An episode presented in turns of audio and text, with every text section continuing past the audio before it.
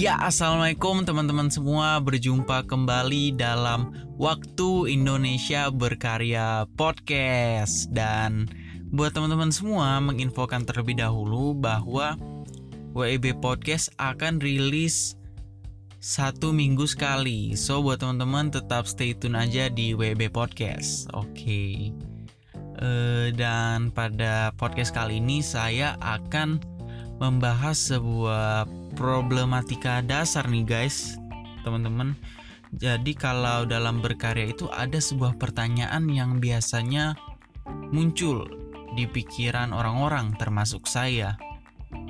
Apakah pertanyaannya begini, apakah karya yang bagus itu adalah karya yang dihasilkan dengan alat yang bagus?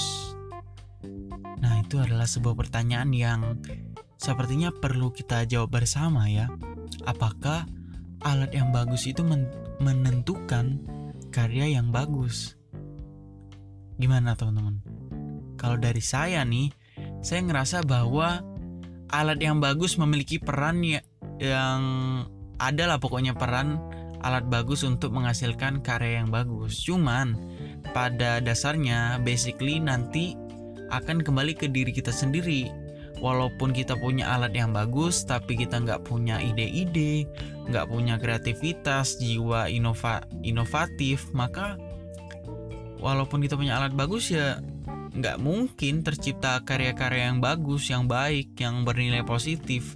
Contoh misalnya kalau dalam youtuber nih salah satu youtuber yang punya seni sinematografi yang tinggi misalnya Agung Hapsah atau Chandra Leo itu kan mereka juga punya alat yang bagus ya. Namun kalau misalnya alat yang bagus tadi dikasih ke saya, maka nggak mungkin, sangat tidak mungkin uh, terjadi video-video seperti itu. Karena apa? Karena saya tidak jago sinematografi, saya tidak jago editing video dan segala macamnya. Nah, jadi pada dasarnya, walaupun kita punya alat yang bagus, mungkin itu akan mendukung. Namun balik lagi kepada diri kita sendiri. Kalau kita tidak punya skill, tidak punya ide, tidak punya jiwa pemberani untuk melakukan terobosan, maka ya karya kita itu-itu aja gitu. Jadi kalau ditanya mulai aja dulu atau persiapin alat, maka saya lebih prefer untuk menjawab mulai aja dulu. Karena berkarya itu tentang berkembang, tentang bertumbuh, tentang berproses uh, kalau dalam Wikipedia teman-teman bisa baca salah satu seniman dunia yang kita kenal lewat lukisannya yang berjudul Mona Lisa. Kenal nggak teman-teman? Pasti kenal. Namanya itu aduh siapa namanya? Oh namanya Leonardo da Vinci. Jadi beliau adalah seorang seniman. Uh, dia pelukis patung pelukis pematung. Uh, apalagi dia itu apalagi ya? Uh, kemarin oh filsuf segala macem. Pokoknya dia ada banyak sekali bakatnya. Bahkan orang menjuluki dia itu adalah salah satu orang yang jenius dalam bidang seni. Padahal seorang Leonardo da Vinci itu katanya nih kata Wikipedia kata Wikipedia itu dia nggak mengenyam pendidikan formal.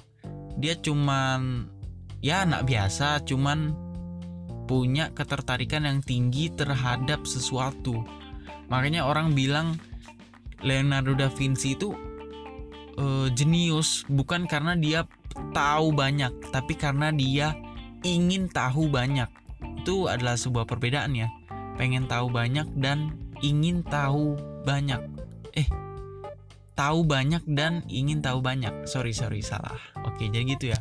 Bahkan kalau teman-teman bisa lihat Leonardo da Vinci itu awal lukisannya itu ada banyak ya lukisan Leonardo da Vinci itu nggak cuma Mona Lisa tapi Mona Lisa itu salah satu yang paling hype paling terkenal lah di dunia kita. Dan tulisan Mona Lisa sendiri itu kalau di Wikipedia diperkirakan dibuat sekitar tiga tahun.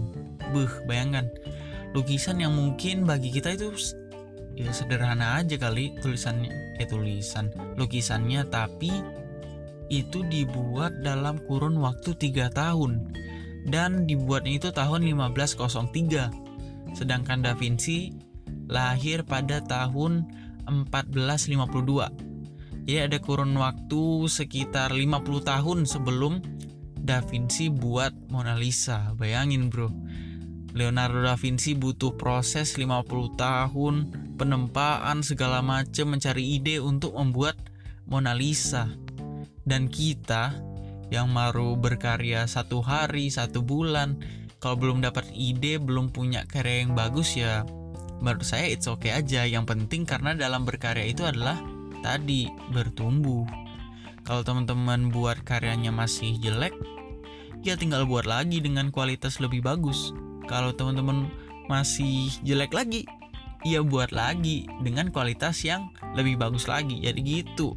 Kuncinya adalah konsisten dalam kuantitas dan tingkatkan terus kualitas. Itu aja teman-teman lakuin dan saya yakin banget teman-teman akan sukses menjadi orang yang berkarya gitu teman-teman.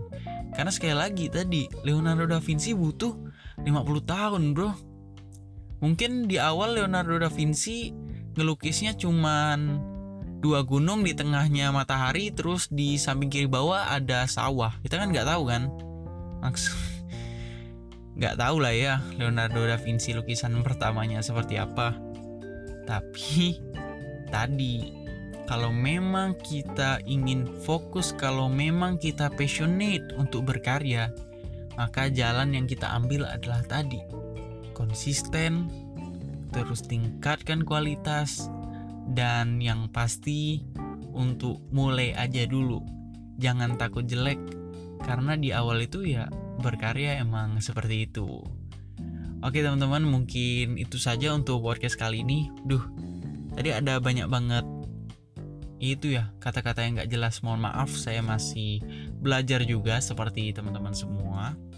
Dan terima kasih sudah mendengarkan WB Podcast pada minggu kali ini. Semoga podcast ini dapat membawa manfaat bagi saya, bagi teman-teman, dan bagi kita semua.